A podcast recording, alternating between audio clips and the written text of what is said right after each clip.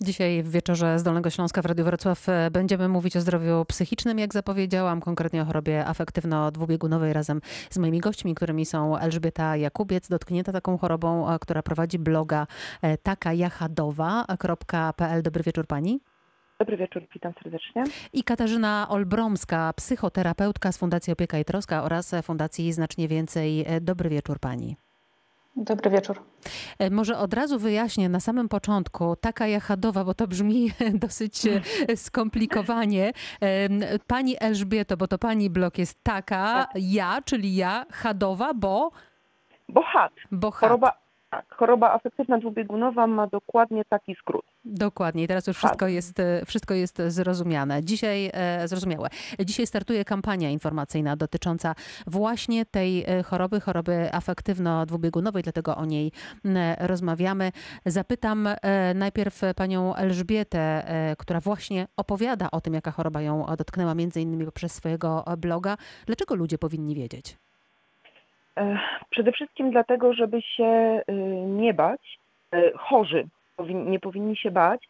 Natomiast osoby zdrowe muszą wiedzieć, na czym to polega, po to, żeby nie odrzucać y, chorych, nie stygmatyzować, nie, mm, nie bać się nas tak naprawdę, ponieważ y, e, wiele osób chorych nie mówi o tym, że są chorzy, nie informuje często nawet swoich własnych bliskich, nie leczy się z obaw, że po prostu choroba się wyda no, boją się reakcji społeczeństwa tak zwanego zdrowego, tak? I a ta świadomość, jak pani sądzi, ta świadomość e, jest w tej chwili jaka w społeczeństwie? Znikoma. Mhm. Uważam, że bardzo znikoma. O ile na temat depresji mówi się w bardzo, bardzo szerokim e, spektrum i dość często w ostatnim czasie, mm, o tyle właśnie choroba afektywna dwubiegunowa jest praktycznie na marginesie e, gdzieś tam informacyjnym. No znikoma, znikoma niestety informacja jest y, w, wszemi wobec. W związku z tym też właśnie podjęliśmy taką akcję. Żeby informować i, e, tak. i edukować. Pani Katarzyna Olbromska, psychoterapeutka, dlaczego ludzie powinni e, wiedzieć? Myślę, że przede wszystkim z tego powodu, że to nie jest tak, że choroba e, właśnie H czy choroba afektywna biegunowa to jest jakieś nowe zjawisko, że my musimy bardzo mocno mówić tak, takie nowe zjawisko, taka choroba się pojawia, tylko też dlatego, żeby wytłumaczyć, że ta choroba się często jest e, mylona z depresją po prostu. Mhm. Tak, I tych się. osób, które doświadczają tej choroby jest zdecydowanie więcej niż my tak naprawdę myślimy, bo ta choroba ma właśnie taką specyfikę, że z jednej strony czujemy się czasami bardzo dobrze, albo jesteśmy w manii i jesteśmy w bardzo takim wysokim stanie energetycznym, a potem za chwilę czujemy się w depresji. Pani tak Katarzyno, wtedy... ja przerwę na chwileczkę, gdyby Pani mhm. mogła właśnie to wyjaśnić, ponieważ sformułowanie afektywno-dwubiegunowa brzmi dość skomplikowanie. Pani trochę przed chwilą wyjaśniła. Mhm. Gdyby można było opowiedzieć, w jaki sposób e, ta choroba się właśnie objawia, co to znaczy afektywno-dwubiegunowa?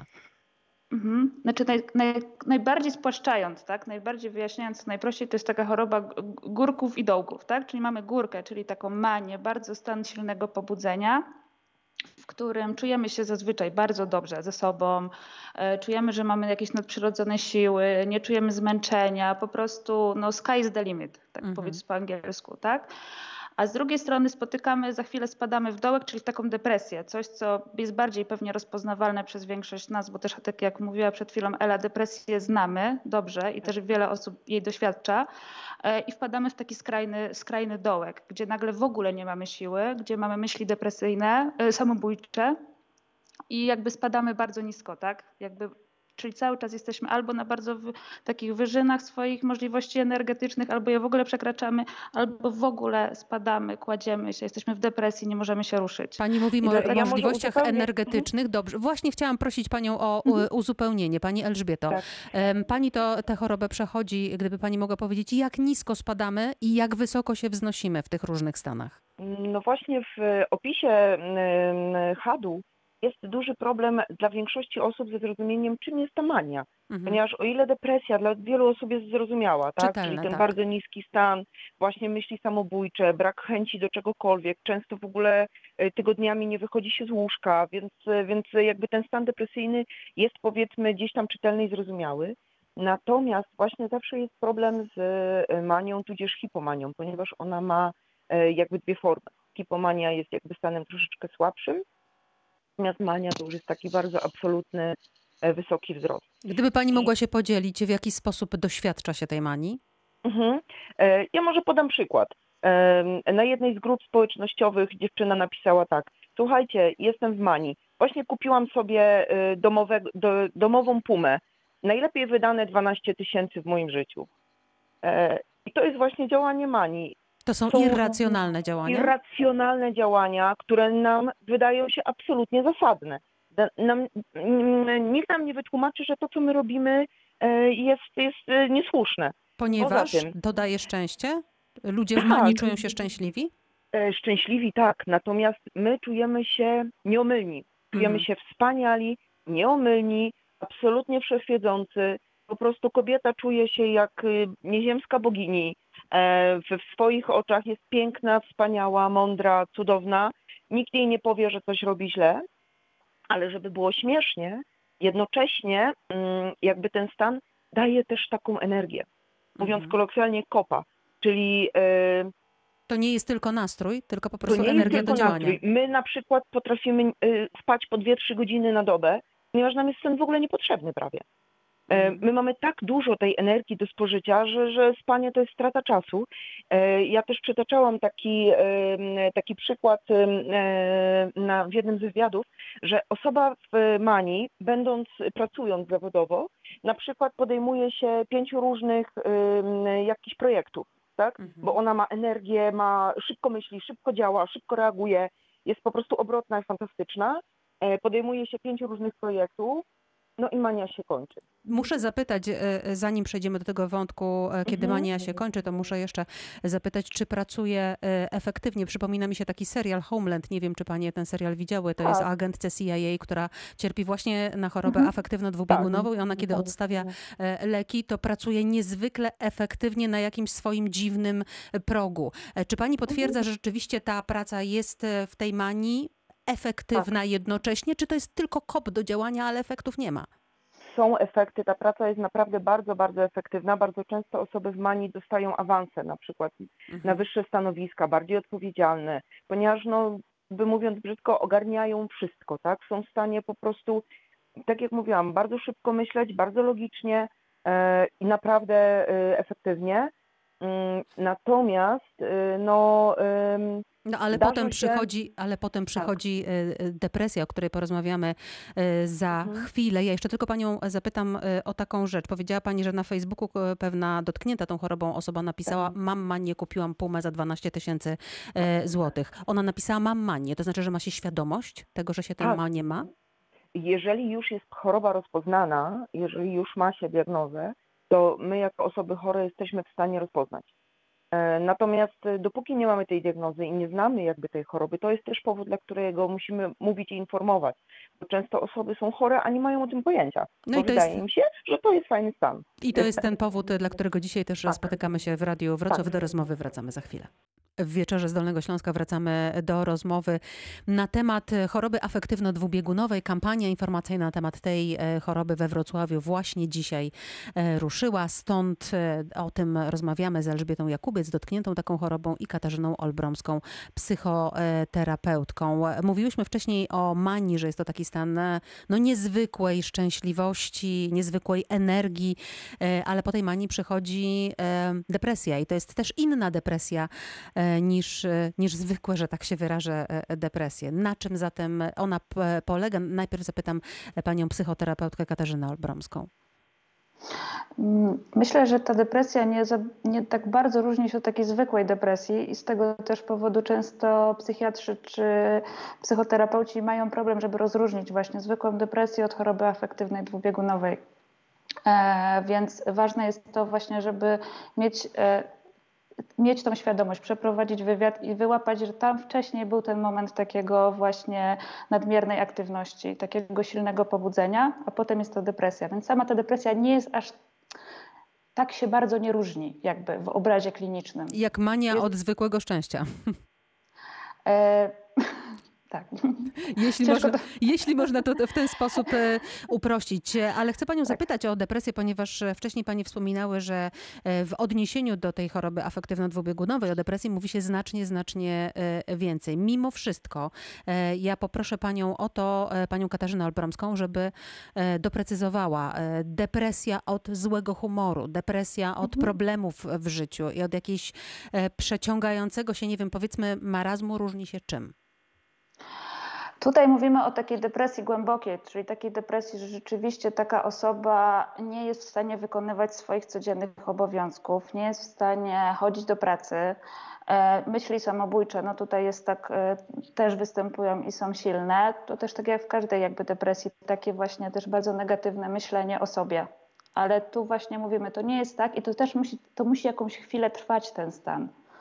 To nie jest tak, że właśnie mamy handrę, nie? I tam zjemy czekoladę, pójdziemy pogadać z koleżanką mhm. i nagle mi ten stan przechodzi. Tutaj mówimy o czymś, że że tu nie, nawet nie ma się tej energii, żeby podjąć taką aktywność, żeby sobie pomóc. A z drugiej strony jest... też y, często y, mówi się o tym, że e, mamy znajomych w depresji, y, z którymi pracujemy, z którymi rozmawiamy codziennie i oni bardzo ciężko e, to przechodzą, mm, e, wyrabiając w sobie pewnego rodzaju nawyki, które pozwalają im no, utrzymać się na powierzchni, właśnie chodzić do pracy, mieć mhm. jakieś kontakty i relacje. Więc jak osoba dotknięta depresją ma wyłapać ten moment, że to jest właśnie e, e, ten punkt graniczny, kiedy należy chyba pójść po poradę e, do lekarza, do psychoterapeuty. Mm, myślę, że to jest takie, my sami mamy w sobie taką intuicję, tak? że właśnie kiedy, kiedy czujemy, że jesteśmy nisko i takie bardzo źle jest nam i no sięgamy, każdy z nas ma takie mechanizmy własne do poprawiania sobie humoru, a czujemy, że to cały czas nie pomaga i czujemy, że rzeczywiście przestajemy wypełniać, spełniać swoje obowiązki życiowe, rolę, nie wiem, rodzica, pracownika, mhm. to jest ten moment, kiedy już warto sięgnąć y, po pomoc. Ja nie mówię, że od razu na przykład do psychiatry, ale chociaż umówić się na konsultację do psychologa czy do psychoterapeuty, żeby złapać to. Tak, kiedy zaniedbujemy to, na przykład, tak? Pewne, kiedy pewne zaniedbujemy. Rzeczy. Mhm. Tak, Pani... tutaj też no, mhm. jedzenie też jest na przykład takim objawem, nie? Kiedy przestajemy jeść albo jemy nadmiernie, to też jest objaw depresji. Pani Elżbieto, Pani Elżbieta e, Jakubiec, jak u Pani ta depresja e, się objawiała? E, ja może jeszcze tylko uzupełnię to, co powiedziała Kasia e, i też to, o co Pani zapytała. E, bardzo często, bo Pani tutaj nadmieniła, że często jest tak, że osoby w depresji są blisko nas. Osoby smutne. Tak, są blisko nas, ale też, że jakby pokazują, że tak nie jest. Mhm. I to jest właśnie taki moment, kiedy powinniśmy się zastanowić i zacząć się obserwować, bo jeżeli przez dłuższy czas jest nam bardzo, bardzo źle, bardzo ciężko jest nam się podnieść z łóżka, nie wiem, zrobić podstawowe rzeczy, napić się herbaty, umyć zęby, cokolwiek. Każda jedna rzecz, nawet podniesienie ręki jest po prostu trudna, a przy tym wstajemy, idziemy do pracy i przy ludziach udajemy, że jest wszystko super, to jest bardzo, bardzo, bardzo y, jakby silny znak ku temu, że należy już w tym momencie szukać pomocy. A kiedy u Pani pojawiła się tak. ta choroba afektywno-dwubiegunowa, to Pani była taką osobą, która właśnie zbierała się w tej depresji i udawała, że wszystko jest dobrze, czy też była tą osobą, która nie jest w stanie ręki podnieść czy wyjść, wyjść z łóżka? No właśnie u mnie wyszło to zupełnie inaczej, ponieważ ja do psychiatry trafiłam z zupełnego przypadku. Jakby y, podczas y, badań mojego dziecka. Mm, gdzieś tam dostałam taką sugestię od pani psycholog, że no warto by było, żebym podeszła i ja trafiłam do psychiatry w hipomanii. E, mhm. Więc jakby zupełnie od innej strony, stąd też u mnie szybko poszła diagnoza. Mhm. E, w momencie, kiedy ktoś trafia do psychiatry, osoba chora w depresji, to tak jak Kasia wspomniała, nie sposób jakby odgadnąć od razu, że jest to HAT, ponieważ no, depresant nigdy nie mówi o tym, że dwa miesiące temu był tak wesoły, że po prostu y, no, Bo tego nie pamięta? nie? Pamięta, tylko jemu się wydaje, że to jest normalny stan. Mhm. Dopóki nie jest świadomy swojej choroby, wydaje mu się, że ten wyż to jest właśnie on.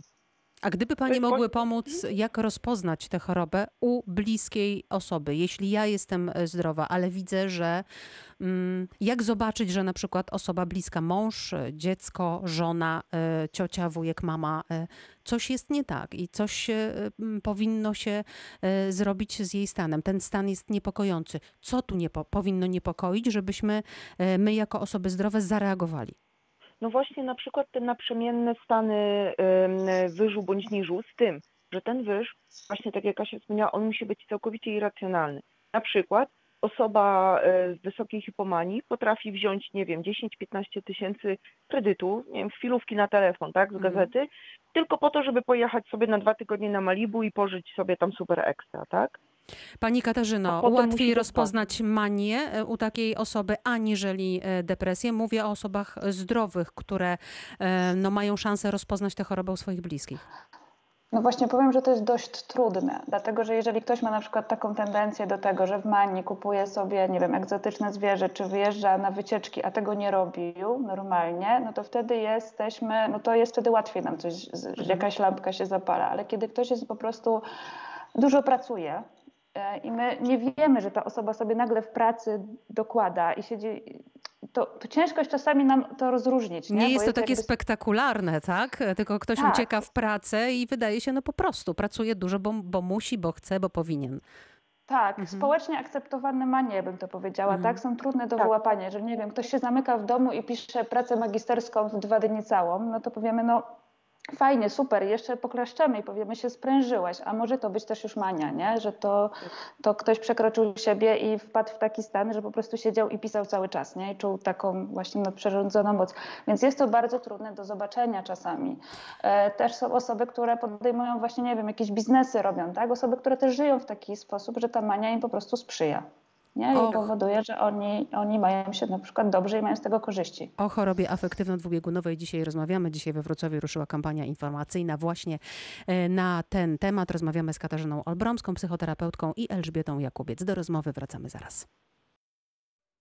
Dzisiaj w wieczorze z Dolnego Śląska w Radiu Wrocław rozmawiamy o chorobie afektywno-dwubiegunowej z tego powodu, że ruszyła kampania informacyjna właśnie dzisiaj e, we Wrocławiu, a rozmawiamy z panią Katarzyną Olbromską, psychoterapeutką i panią Elżbietą e, Jakubiec, dotkniętą taką chorobą i autorką bloga takajachadowa.pl. Drogie panie, jak powinni pomagać bliscy takim e, osobom? Czy na przykład osoba, jeśli jest w depresji aktualnie, to czy ta najbliższa jej osoba powinna mm, nie wiem jakiego słowa tutaj e, użyć, które będzie najwłaściwsze, ale opiekować się w taki sposób, trochę służyć, wyręczać ją. Pani Katarzyna Olbromska, psychoterapeutka. Mm. Czy pani mnie słyszy? Tak, tak, słyszę. Właśnie myślę, że y, to jest bardzo ważne, żeby też zapytać tą osobę, która, która doświadcza z tego stanu, co ona potrzebuje. To jest bardzo istotne. E, żeby być jakby też w zgodzie z nią i jakoś jej też nie przekraczać. No na pewno to już są takie jakby wydają nam się oczywistości, no nie mówić y, słów w stylu tam weź się w garść, ogarnij albo nie przejmuj się, to kiedyś minie. A dlaczego tego nie mówić? Bo to tylko chyba, to tylko wzbudza w tej osobie duże poczucie bezradności, no bo ona jednak nie jest w tym stanie, bo ona chce, tylko po prostu nie potrafi z niego wyjść. I takie mówienie powoduje, że ona jeszcze bardziej czuje się bezradna i jeszcze bardziej w jakiś sposób to dotyka jej tego poczucia własnej wartości, nie? że no ja nie mogę nic zrobić. Ja wiem, że tak by było fajnie, żeby miała dobry humor, no ale ja nic z tym nie mogę zrobić, więc mówienie weź się ogarnij raczej jest takie, że jeszcze tę osobę dołujemy. Mhm. Pani Elżbieto, ja może wtrącę proszę bardzo. Słowo, ponieważ y, jakiś czas temu usłyszałam y, wobec mnie też takie stwierdzenie w momencie, kiedy byłam w stanie depresji. Y, słuchaj, przecież ty jesteś panem swojej głowy. Mhm. I właśnie myślę, że to jest punkt trafiony, ponieważ właśnie tu polega, na tym polega różnica, że zdrowa osoba jest panem swojej głowy, natomiast chora osoba nie jest. My nie jesteśmy w stanie E, zapanować nad tym. Nie, my nie jesteśmy w stanie jakby powiedzieć sobie, dobra, jutro będzie lepszy dzień. My czujemy się tak absolutnie beznadziejni w tym stanie i, i jakby nie widzimy żadnego sensu nawet w poruszeniu palcem. Wszystko wydaje się kompletnie bezsensowne, bez znaczenia, a szczególnie my jako osoby czujemy się po prostu. No... Pani Elżbieto, a jak osoba, mm, czy w ogóle jest w stanie chora, może pomagać sobie samej. Może czy nie może? Może. Mhm. Może z tym, że musi to robić w momencie, nie, nie jest w stanie tego zrobić w momencie bardzo głębokiej depresji. Jeżeli już przyjdzie bardzo głęboka taka właśnie depresja, gdzie nie jesteśmy w stanie nic robić, w tym momencie w moim odczuciu, ja przynajmniej to tak jakby stosuję, że daję sobie ten dzień, dwa na przeczekanie. I to też robi, jakby mój mąż już też wie, że musi mi dać ten czas. Ten dzień, dwa, żebym ja jakby, pozwala mi na ten smutek. E, z tym, że oczywiście obserwując mnie z boku, y, czy nie robi się niebezpiecznie pod kątem myśli samobójczych i tak dalej, natomiast e, pozwala mi te dwa dni na ten smutek, albo na przykład mówi, słuchaj, bądź sobie smutna, nie musisz ze mną rozmawiać, nic się nie odzywaj, ja cię zabieram w góry, siedź sobie i patrz na góry i się w ogóle nie odzywaj. I to pomaga? I to pomaga. I to Mhm. pomaga, to są takie rzeczy, że ja nie czuję się przymuszona, że coś muszę, tak, bo to jest najgorsze, co, co tak naprawdę człowiek w depresji może przeżywać, to musieć cokolwiek. Mhm. E, I mówi do mnie, słuchaj, tylko się przełam i wsiądź do auta, ja nic więcej od ciebie nie chcę. Czyli grupa przyjaciół, która powie: Słuchaj, my ci pomożemy, jedź z nami, pochodzimy po górach, zrobimy coś fajnego, zrobimy sobie świetną e, kolację i pogadamy. To nie jest najlepszy pomysł. Absolutnie nie. Absolutnie nie. Dla nas po prostu niesamowitym wysiłkiem jest zamienienie kilku zdań z drugą osobą. To jest graniczy z, po prostu naprawdę z, z, z jakimś mega wysiłkiem fizycznym. Proszę powiedzieć, e, pani Katarzyno, czy e, wystarczy w tej chorobie afektywno-dwubiegunowej, o której dzisiaj e, rozmawiamy, terapia, czy za każdym razem potrzebne są również leki? E, No, w przypadku choroby afektywnej dwubiegunowej bym powiedziała, że przede wszystkim farmakoterapia Mhm. tak? I, i psychoterapia mm, obok siebie, ale leki są tutaj niezbędne. Nie? Tak jak, jak w depresji już mówimy o tym, że te leki nie zawsze są konieczne i jest taki ruch w tą stronę już, wśród, e, również wśród psychiatrów, to jednak w chorobie afektywnej leki są bardzo ważne, ale też jest taka trudność z tymi lekami, że nie jest tak łatwo je so- dobrać. To trzeba jednak e, dobierać indywidualnie dla każdej osoby, nie? bo to są trzy leki i one mają różne działanie, więc to też jest proces pewien. Pani Elżbieto, pani, jak rozumiem, jest osobą, która takie leki już bierze. Tak. E, Czy one E, pozwalają żyć w takim, powiedzmy, normalnym komforcie, komforcie człowieka zdrowego? Może powiedzmy tak, one pozwalają utrzymać się w pewnych dopuszczalnych ramach, bo do doprowadzenia tak, do stanu tak zwanej remisji czasami potrzebne jest kilka lat. Ten stan remisji to jest właśnie taki stan, w którym odczuwamy realnie, tak, że nie mamy jakichś stanów chorobowych góry, dołu, tylko jakby realnie odczuwamy emocje, smutek, radość, tak jak zdrowe osoby. E, ale do tego naprawdę bardzo, bardzo, bardzo długo się dąży i trzeba znaleźć naprawdę bardzo dobrego fa- fachowca, e, w sensie lekarza. E, Natomiast normalne leczenie farmakologiczne e, no w zasadzie w większości opiera się na tym, żeby utrzymać nas w takich dopuszczalnych ryzach, czyli nie doprowadzać do ogromnej depresji e, i do jakiejś tam wielkiej manii czy hipomanii. Powiedziała pani znaleźć dobrego lekarza. Jak to zrobić? Ha, powiem szczerze, próbować. Po prostu próbować. Jeżeli mnie na przykład zdarzyło się y, trafić na lekarza, którego kilkokrotnie, kilko, kilkanaście razy nawet prosiłam o zmianę leków i był po prostu nieustannie uparty, spowodowało to, że jakby odstawiłam leki samodzielnie Mhm. ponieważ no, czułam się po nich okropnie. Jak ja to mówiłam do męża, miałam ćwierć mózgu. Po prostu no, nie kojarzyłam faktów, nie byłam w stanie funkcjonować. E, Odstawiłam te leki i po e, 10 miesiącach bez leków skończyło się na kilkumiesięcznej depresji z ogromnymi myślami samobójczymi. Wręcz e, prawie doszło do próby samobójczej. I no, Ale jak rozumiem, trafiła pani potem do lekarza, który e, pani Tak. pomógł i, No, i znalazł odpowiednią farmakoterapię. Dokładnie tak, dokładnie tak. W tej chwili jestem pod opieką fantastycznego lekarza i naprawdę mm, jesteśmy w tej chwili na etapie jakby do, dobierania leków tak, żeby mogła e, wejść w stan remisji. Natomiast na ten moment faktycznie powiedzmy trzymam się w tych ryzach norm, nie? Pani Katarzyno, Ale nieprzyjmowanie leków może być tragiczne. a, pani Katarzyno, a e, po co, e, skoro tak kluczowe znaczenie ma tutaj e, lek i jego dobór, po co terapia? Mm, To jakby dwutorowo pracujemy, tak? W psychoterapii z jednej strony no, mówi się, że przyczyną choroby afektywno-dwubiegunowej dokładnej przyczyny nie ma, tak? E, Na pewno ja obalam ten mit, że to jest choroba genetyczna, bo jest taka gdzieś informacja krąży. Nie jest. Bo też tego genu nikt nie, nigdy nie wskazał i nie pokazał, ale często ma to, dość, ma to związek z pewnymi doświadczeniami z przeszłości, tutaj z okresu dzieciństwa, że tam coś się traumatycznego, coś trudnego zadziało, co spowodowało takim, a nie innym, mm, nie wiem, skutkiem właśnie, jak, że ta choroba po prostu się w nas zaczyna rozwijać. Więc tu po pierwsze, żeby zrozumieć, co się zadziało, nie? też zrozumieć trochę bardziej siebie, a z drugiej strony też, żeby wesprzeć taką osobę, osobę po prostu w codziennym funkcjonowaniu, właśnie w takim funkcjonowaniu między manią a depresją, też wesprzeć ją w komunikacji ze światem, z bliskimi, w wyrażaniu swoich potrzeb, mówieniu, co ja potrzebuję, kiedy jest mi źle. Tak, żeby po prostu lepiej, lepiej funkcjonować i mieć jakby też poznawać siebie lepiej. Ale, ale to jest ta kolejność najpierw psychiatra yy, i psycholog wspierający. E... I psychoterapia tak. wspierająca w tej kolejności, a nie odwrotnej. E Myślę, że tak, choć jeżeli ktoś e, podejrzewa u siebie tą chorobę, to też, nie, to też można spokojnie, a boi się na przykład pójść do psychiatry, też zapraszam na przykład najpierw na konsultację do psychoterapeuty czy psychologa, żeby sobie też odpowiedzieć na pewne pytania. No nie? bo może Jeżeli... pokierować też e, e, we tak, właściwym tak. kierunku. Jakby do mhm. kogo się zapuka, do pierwsze, do pierwsze drzwi nie są aż takie istotne. Nie? Ważne, żeby tą, tą, po tą pomoc po prostu sobie sięgnąć i zacząć po prostu szukać. Do rozmowy o chorobie afektywno-dwubiegunowej wracamy w Radiu Wrocław za kilka chwil po piosence. To jest Radio Wrocław. Dzisiaj e, rozmawiamy o chorobie afektywno-dwubiegunowej. Ja bardzo dziękuję za maile, które Państwo e, wysyłają, zadając e, pytania naszym gościom, ekspertom. Jedno z tych pytań pozwolą Panie, że od razu zacytuję. Czy cierpią dzieci na tę chorobę i jeśli tak, to jak rozpoznać chorobę u dzieci? E, nie, nie. U dzieci mhm. ta choroba nie, nie, słyszałam.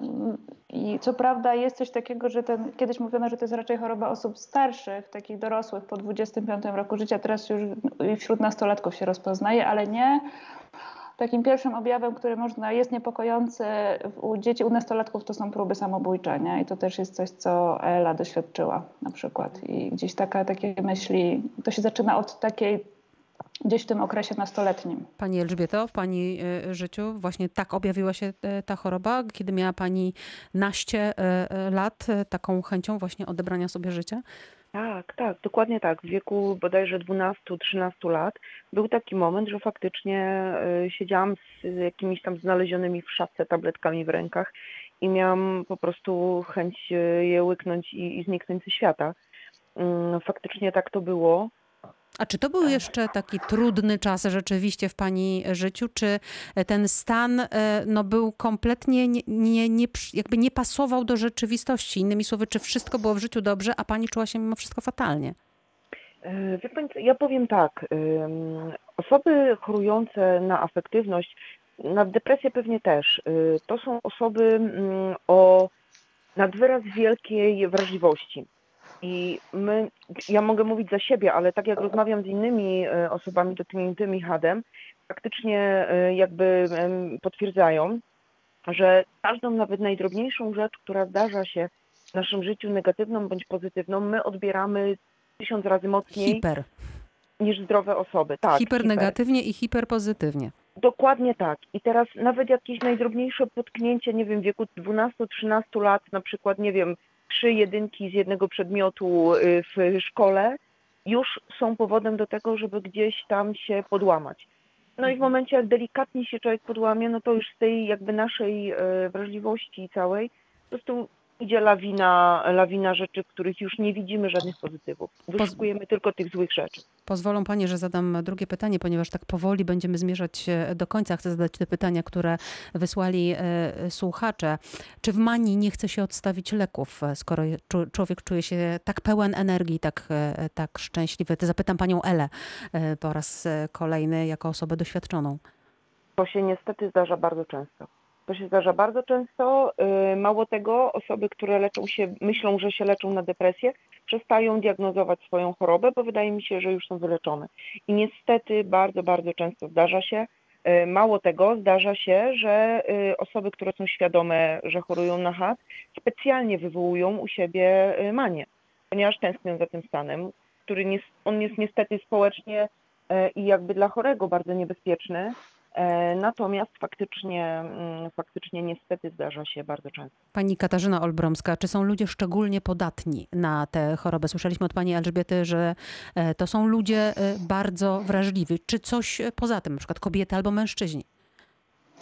Nie, nie ma takich, e, takich danych. No mówi się ogólnie, że mężczyźni częściej w ogóle doświadczają kryzysów psychicznych, e, ale nie, nie, nie generalizowałabym tak. Ciężko, ciężko byłoby mi, nie, nie jestem daleko od takiego osądzenia. No osoby na pewno dużej wrażliwości, tak? Czyli jeżeli mamy takie dziecko, które bardzo przeżywa porażki, takie dziecko, które w ogóle ma tendencję do zamykania się w sobie, na pewno jest tym dzieckiem, które w ogóle powinno być, no ma jakąś na pewno skłonność, czy to depresji, czy do choroby afektywnej dwubiegunowej, ale w ogóle do doświadczenia jakiegoś kryzysu, kryzysu psychicznego.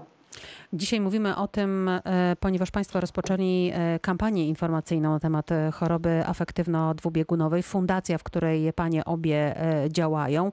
Jaką pomoc daje właśnie Państwa fundacja osobom chorym, być może też rodzinom, nie wiem? Mhm. E, tak, my wspieramy Fundację Opieka i Troska, która ma już e, ponad, e, działa już ponad 15 lat tutaj we Wrocławiu. Oferuje taką no, szeroką pomoc dla osób, które doświadczają różnych kryzysów psychicznych, czyli e, mamy i środowiskowy dom samopomocy, mamy grupę wsparcia dla osób z doświadczeniem depresji i też ogólnie wszystkich kryzysów. E, teraz jakby też jest naszym celem e, tej kampanii jest też utworzenie takiej specjalnej grupy wsparcia właśnie dla osób, które doświadczają właśnie choroby afektywnej dwubiegunowej. W covid jak Państwo się odnajdują? No tak jak wszyscy, tak? Próbujemy. Online, tak? Z jednej strony czyli online, albo online, mhm. albo online, tak, tak. Online też mamy indywidualne wsparcie, teraz jest zdecydowanie bardziej rozszerzone, czyli też jakieś konsultacje indywidualne, których kiedyś mieliśmy mniej, a teraz, teraz mamy więcej. E, proszę powiedzieć, gdzie e, wszystkie osoby, które nas słuchały, są zainteresowane, e, chcą zasięgnąć informacji, szukają tego, typ, tego rodzaju pomocy, gdzie znajdą te informacje, strony internetowe, kanały? Mhm, e, już podaję. Na Facebooku proszę szukać Fundacja Opieka i Troska albo Stara Piekarnia. E, to jest jakby działanie e, fundacji znacznie więcej. I, lub, lub też po prostu stronę internetową www.opieka i troska. I tam wszystkie informacje kontaktowe osoba znajdzie, po prostu wystarczy zadzwonić, powiedzieć jaki jest problem i osoba, która odbierze telefon na pewno przekier lub przekieruje lub udzieli wszystkich informacji. No i ja za, e, zachęcam też do poczytania bloga pani Elżbiety Jakubiec, e, taka tak. jachadowa.pl, bo tam również państwo znajdą mnóstwo informacji na temat na przykład tego, kto ze znanych e, osób na taką chorobę cierpi bądź cierpiał pani Elżbieto na przykład? Oj, bardzo wiele. Jimi Hendrix, Ernest Hemingway, Madonna, Britney Spears, um, Sinead O'Connor, Mhm. U Robina Williamsa kwestia jest sporna. Początkowo był diagnozowany jako hadowiec, teraz podobno wynaleźli coś innego. Natomiast tak, jest multum, multum osób, które, które chorują. Ogromna część z nich to są osoby, które niestety popełniły samobójstwo. Mhm. E, na przykład właśnie Madonna, Kurt Cobain. Mhm. Również. Mhm. E, tak to wygląda. Natomiast ja też w kwestii kontaktu chciałam wspomnieć, że E, przez bloga też można się skontaktować ze mną, jeżeli ktoś chciałby gdzieś tam powiedzmy bezpośrednio. Jest tam taka możliwość, żeby wysłać do mnie wiadomość bezpośrednią do czego też zachęcam. Zachęcamy wszystkie osoby, e, które są zainteresowane tym tematem z zupełnie różnych e, powodów. Bardzo dziękuję Paniom za dzisiejsze spotkanie w wieczorze e, z Dolnego Śląska, a gośćmi były Elżbieta Jakubiec, osoba chorująca na, osobę, na chorobę afektywno-dwubiegunową i autorka bloga takajachadowa.pl. Bardzo Pani dziękuję, dobranoc.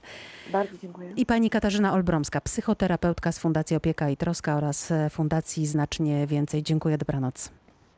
Dziękuję. Katarzyna Górna-Drzewosz, ja również bardzo dobrego wieczoru Państwu e, życzę. No i tyle, dobrego wieczoru.